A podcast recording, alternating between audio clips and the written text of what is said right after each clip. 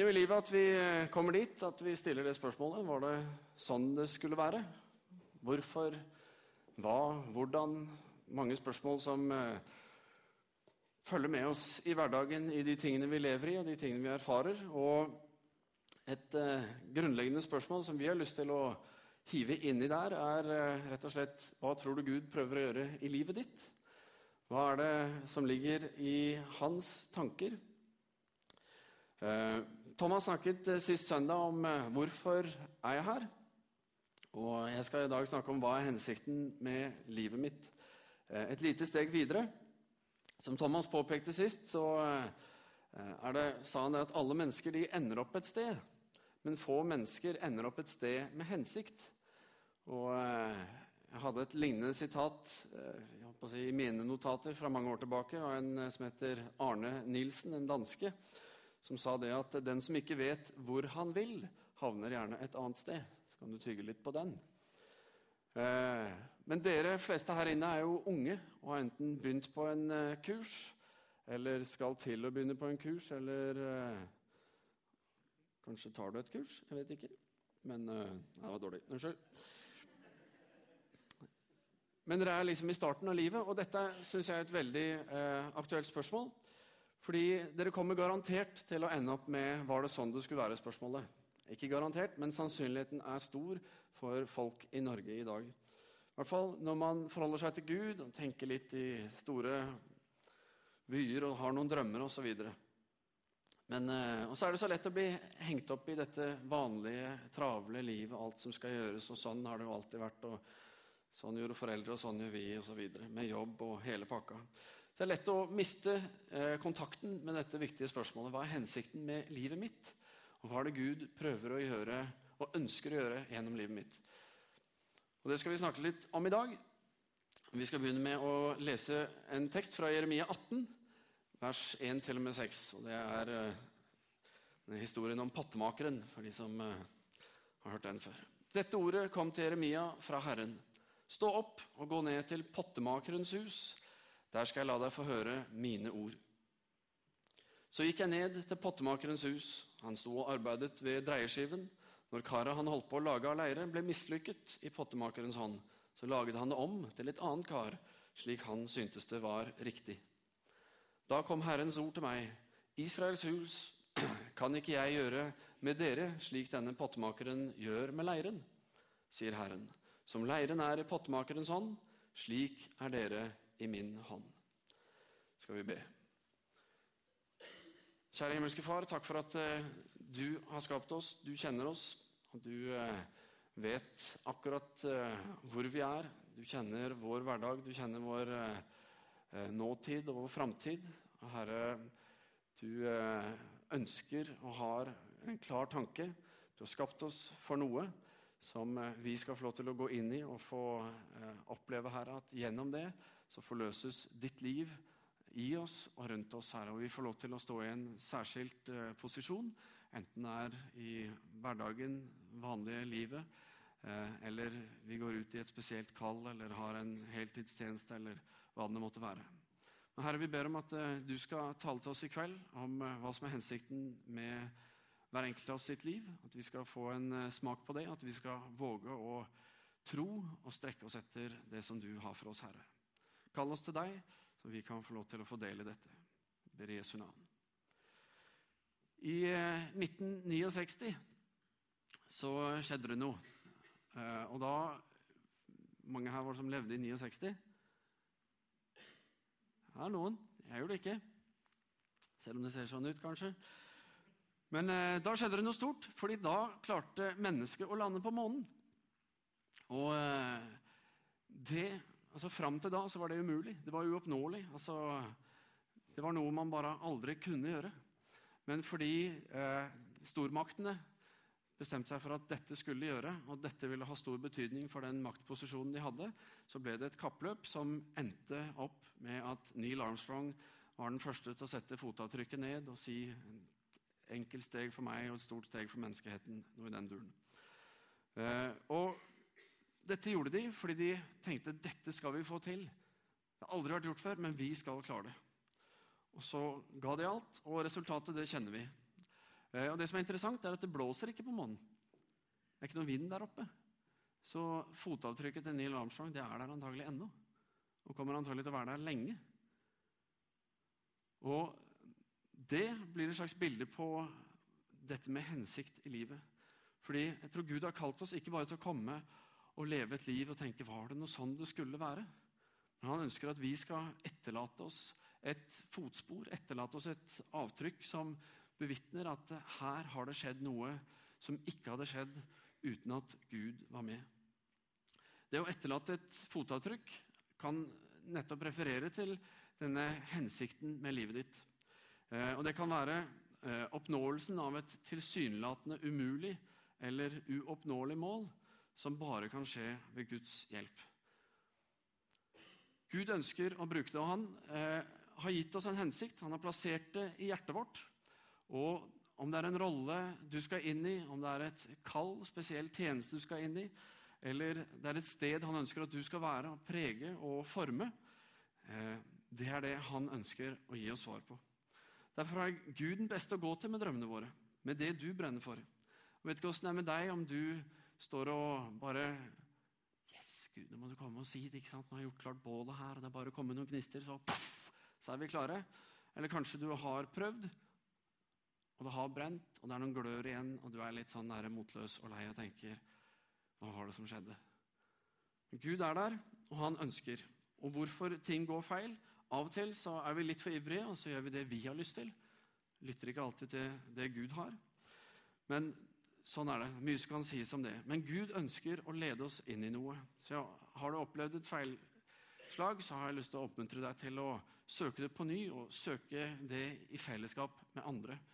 Del det du erfarer med andre, sånn at uh, dere sammen kan uh, få en følelse av om dette er riktig. Det er i hvert fall ingen tilfeldighet at du er i denne verden. At du er der du er uh, i denne tid, og du har den kontaktflaten som du har. At du kjenner de menneskene du har, og ikke minst at det livet du har levd, med de erfaringene du har, enten de er dårlige eller gode, eller de er eh, middelmådige, eller hva du måtte kjenne på, om du har opplevd mye smerte eller mye glede, om du er fattig eller rik Alt dette er ting som Gud ønsker å bruke nettopp i, gjennom deg. Fordi du har en pakke som bare du har, og den er viktig å eh, finne ut av. Eh, nå er Det sånn at det er ikke alle som blir født, som nødvendigvis er sånn derre 'Ja, mor, nå skal vi lage en liten, liten en.' Og så var alt planlagt, og så gikk det sånn. Av og til så bare skjer det, og noen ganger så er ikke barnet som blir født, ønsket heller. Eh, jeg hørte for noen år tilbake, Vi hadde besøk av en som heter Trond Akerholt, som jobber i Maritastiftelsen i Oslo. Og han treffer jo da mange som eh, kommer litt skeivt ut i livet og kommer fra tøffe oppvekster. Og Da fortalte han om en dame som hadde fått høre fra en av sine foreldre at vet du hva, du skulle egentlig bare vært en flekk på et laken. Det er en brutal eh, ting å få høre at dine foreldre ønsket egentlig at du heller var det. Men der står du. Men Poenget er vi velger ikke hvor vi blir født. Vi velger ikke når vi blir født. Men Bibelen er klar på at Gud har ført oss inn her med en hensikt. Han kjente oss før vi ble til i mors liv, han har en hensikt med oss. Og akkurat som leiren formes i pottemakerens hånd, og når det ikke går helt som det skal, så vil han forme det på ny. Og om det er et skaperverk som skulle være så flott, og som ikke gikk helt bra, så vil han komme inn og forme det på ny og legge til rette for at det skal bli bra igjen. Og Sånn ønsker han å gjøre det i våre liv òg. Nå skal vi se på film. Dere er sikkert glad i å se på film, og denne filmen her er veldig bra. Eh, det er jo ikke en film i den forstand, men det er et vitnesbyrd fra en fantastisk person som jeg unner dere å få lov til å lytte til. Hun heter eh, mamma Maggie Gobran fra Egypt og kommer helt sikkert til å røre ved dere. Snurr film.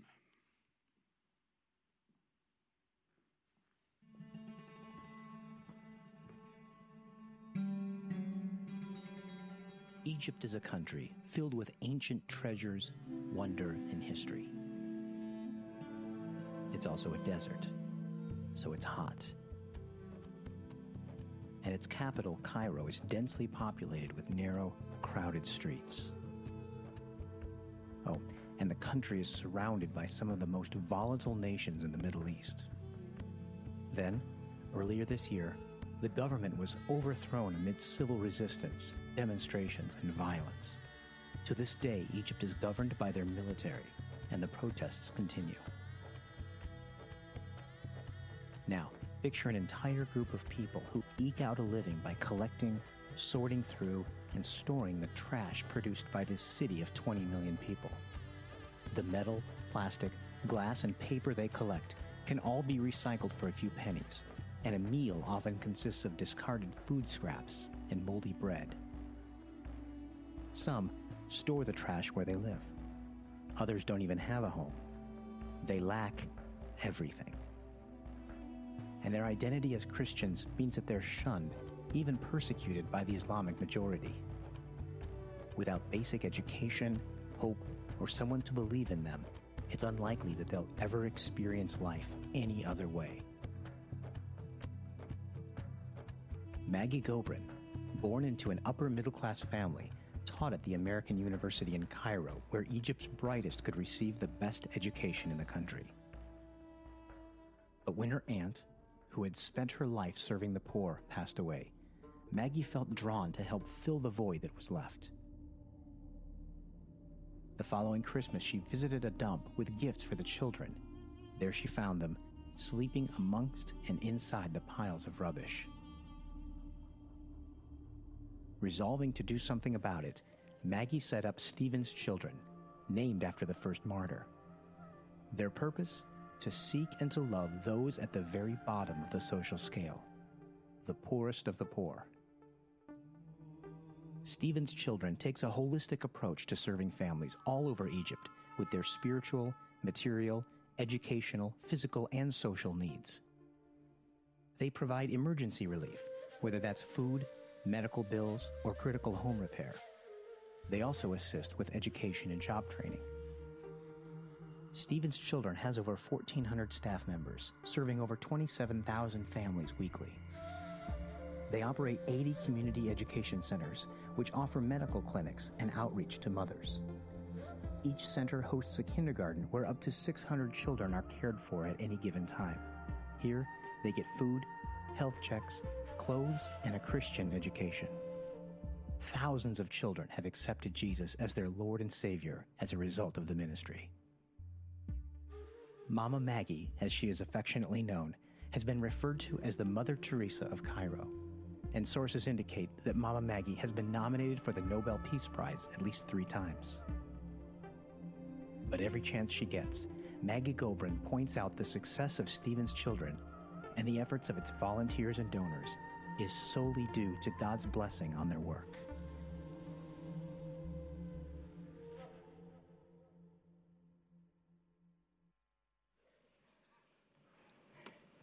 Thank you. Thank you, Jesus. You are the Almighty. You are the Chief of life, the King of eternity.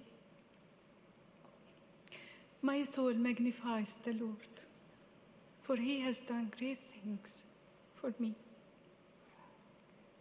A beautiful young woman selling corn in the middle of the narrow street. She was dressed in rags, shivering. When we start talking, she said, Since I lost my husband, nobody ever cared. Tears came to her eyes and mine. A few minutes later, her beautiful daughter came from after school to take over for her mom so that the mom will go and serve other four children. It was winter time and the little girl's shoes was worn out. I took her to get her new shoes. She chose a very nice one. And then she said, Wait, can I take an adult size instead? I said, Yes, but why? She said, My mother has no shoes. And that left me in a shock. I went back home thinking, I could have been in this mother's place. My children could have been her, her children's place. You know, we don't choose where to be born, but we do choose either to be sinners or saints, to be nobody or heroes. If you want to be a hero, do what God wants you to do. Do you know, Christians, Christ was born in the Middle East. And from Egypt I call my son, this is the prophet said. And Christians in Egypt, they paid the highest price for their faith. Egypt is the country that has sent to heaven the largest number of martyrs in all history. Land of tears and blood, land of prayers and love. And I am a product of this land. 25 years ago, I heard my tough call, and I never imagined what I'm going to see. Lord Jesus took me step by step. The first step, He taught me that everyone who is carrying the fragrance of eternity has to experience the dark value of death. For me, started by losing my sunshine, my spiritual mother, who taught me how to pray in spirit. She was fully committed to read the Bible and serve the poor all her life. I felt called to read the Bible, starting to read it and finish it every year. And I did with God's grace. I felt God is breathing with His Holy Spirit upon me. I felt in love with the Word. Today, we put a Bible in every home we visit. Jesus said, My words are spirit and life. When it is really tough, I call Jesus. Jesus. The second step was to sell everything and follow him if I really want to be his disciple. As the youngest daughter of a doctor, I enjoyed affluent lifestyle. God has blessed me so much. I always like to have music, singing, playing, sports, traveling to Europe every year to get the best fashion dressed, wearing jewelry, and I really always like to be elegant. And later, I found to be elegant comes from inside, is to love. And true love is to give and forgive. To give until it hurts. Forgiveness is not between you and the other. Forgiveness is between you and God. He is holding the account. I was teaching at the American University in Cairo. I had the best students, the smartest in the whole country. When God wanted to promote me, He said, Leave the best, the smartest, and go to the poorest of the poor. At that moment, I couldn't believe it. I'm the least. I'm the last one who could fit. Do you know, people laugh when they heard. Because I'm the one who's forgiven much, but loves so little. I thought, I'm so disappointing to God. How come He chose someone like me? with God's grace, I left everything. And I found Him shining, waiting for me with a crown of love. Wasn't He born in such places? It's the moment when you die to your self interest, when you discover the beauty, the power in you. But who are the poorest of the poor? They are the children. After all, it was a child who spoke to me from a pile of garbage. He said, Don't leave me. Do you know the poor children? They are hungry, hungry every day, hungry every meal, hungry every hour. They are hungry for bread, but hungry for love and acceptance. They are naked from clothes or shelter, but they are naked also from dignity and hope. They have no self esteem or self image or self respect. When one has nothing, God becomes everything. When I touch a poor child, I'm touching Jesus. When I listen to a poor child, I'm listening to God's heart beating for all the humanity.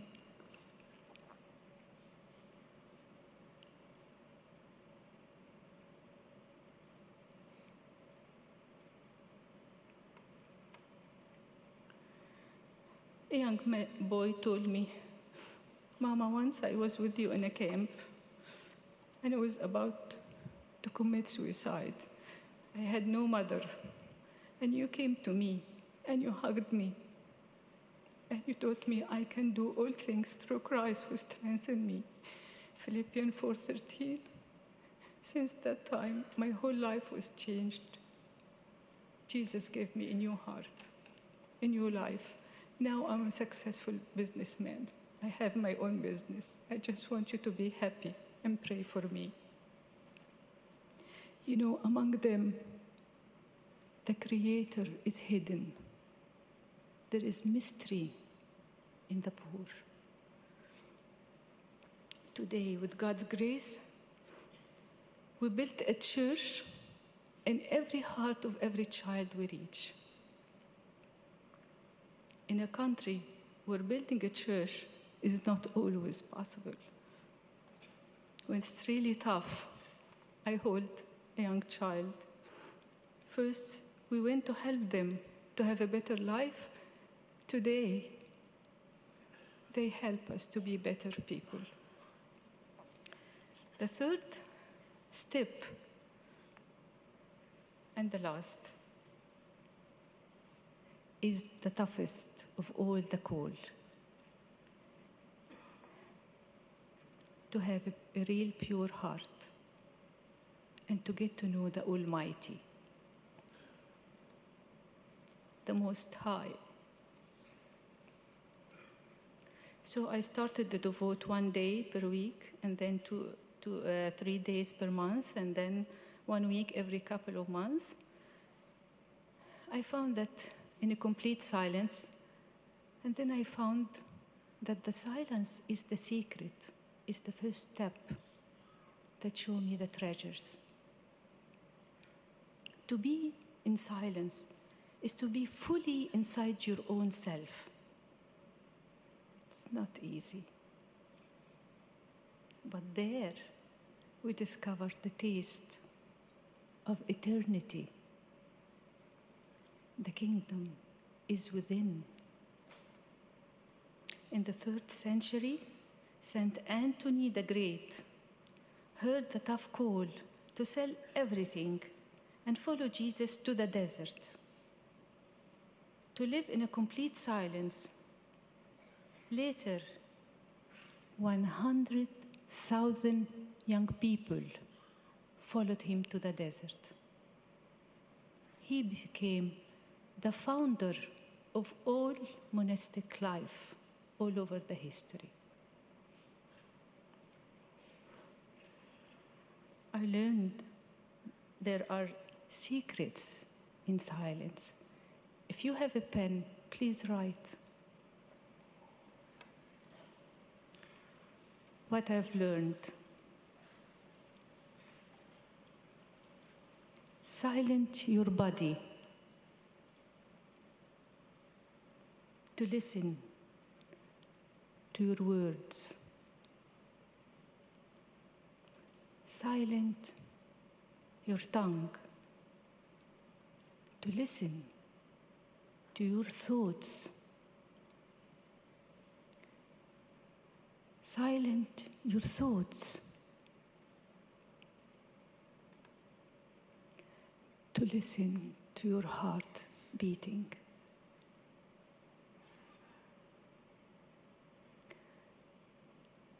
Silent your heart to listen to your spirit.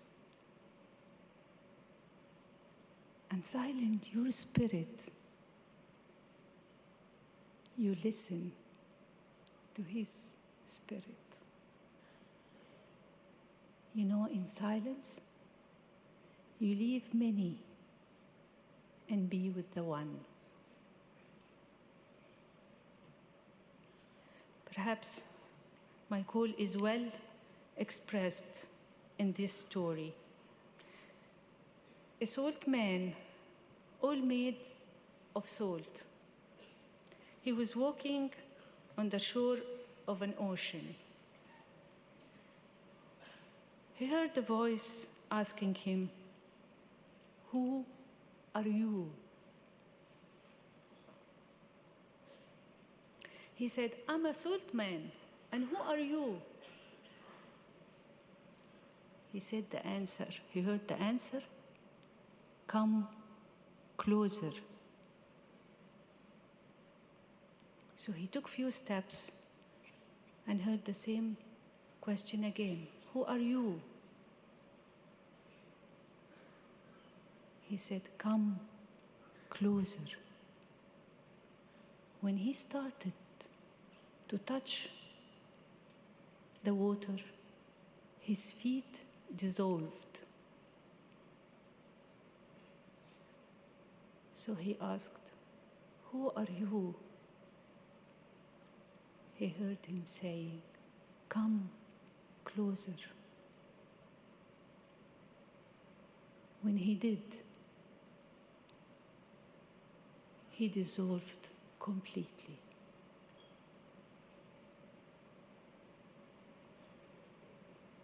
Then the question came, Who are you? He said, I am the ocean.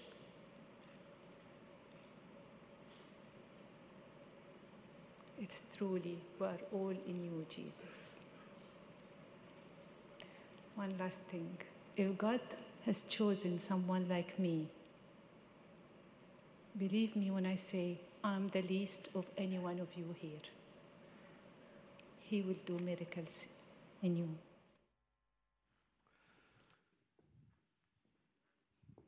Er det ikke nødvendigvis sånn at når du finner hensikten med livet ditt, så må det se sånn ut? Da må det liksom være mange tusen mennesker som berøres av Nobels fredsprisnominasjoner og alt sånn. Men poenget er når eh, vi går til Gud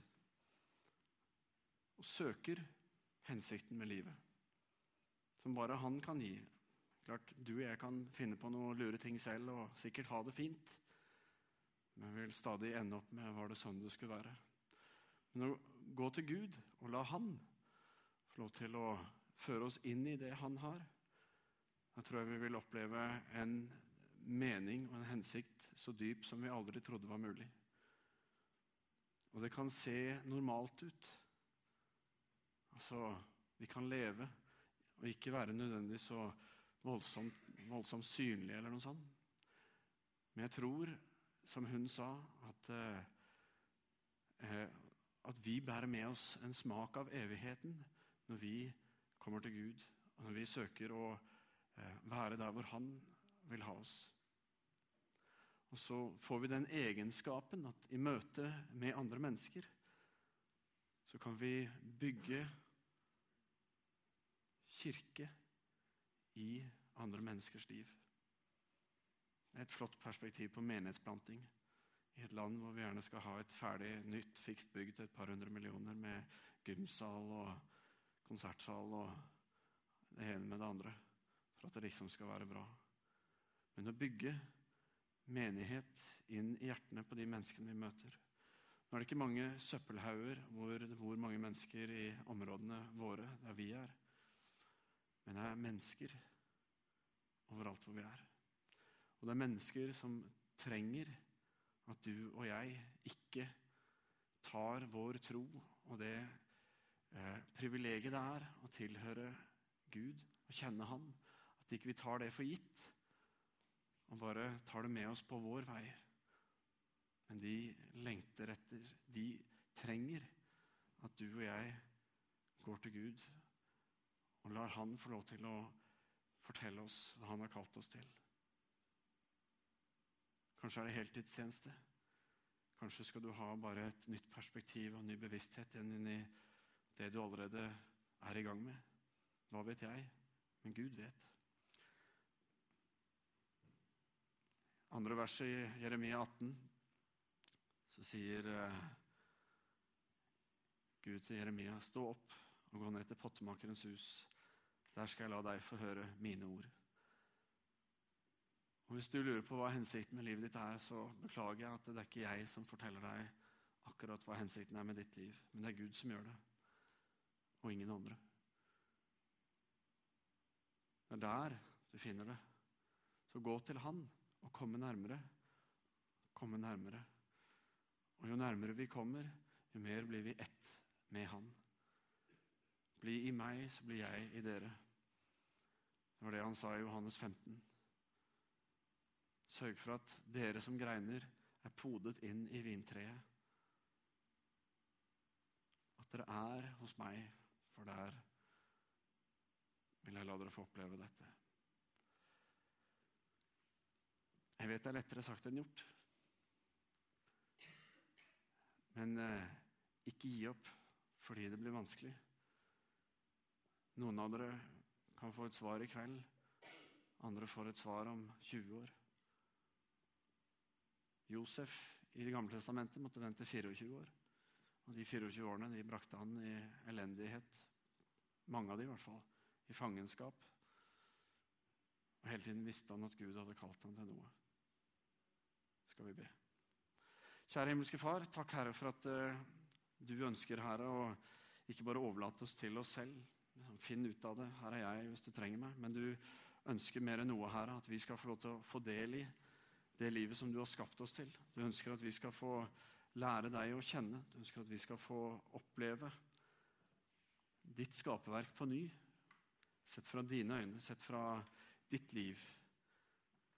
Sett fra det verk som eh, du etterlot, Herre Jesus, da du gikk midt iblant oss. Da du gikk rundt og levde blant mennesker og bygde kirke inn i hjertene på de du møtte. Hvordan du forløste smertene, eller fjernet smerte og forløste mennesker som var bundet, helbredet syke. Hvordan du reiste opp de som var nedtrykket. Hvordan du var der for mennesker som trengte deg. Og vi trenger deg, Herre. Jeg trenger deg. Vi trenger deg alle. Så Herre, kall oss nærmere deg. Og begynn i kveld, Herre. Og gjør det, Herre, til vi har tatt vettet til oss, Herre, til å lytte til deg og komme. Vi ber i Jesu navn.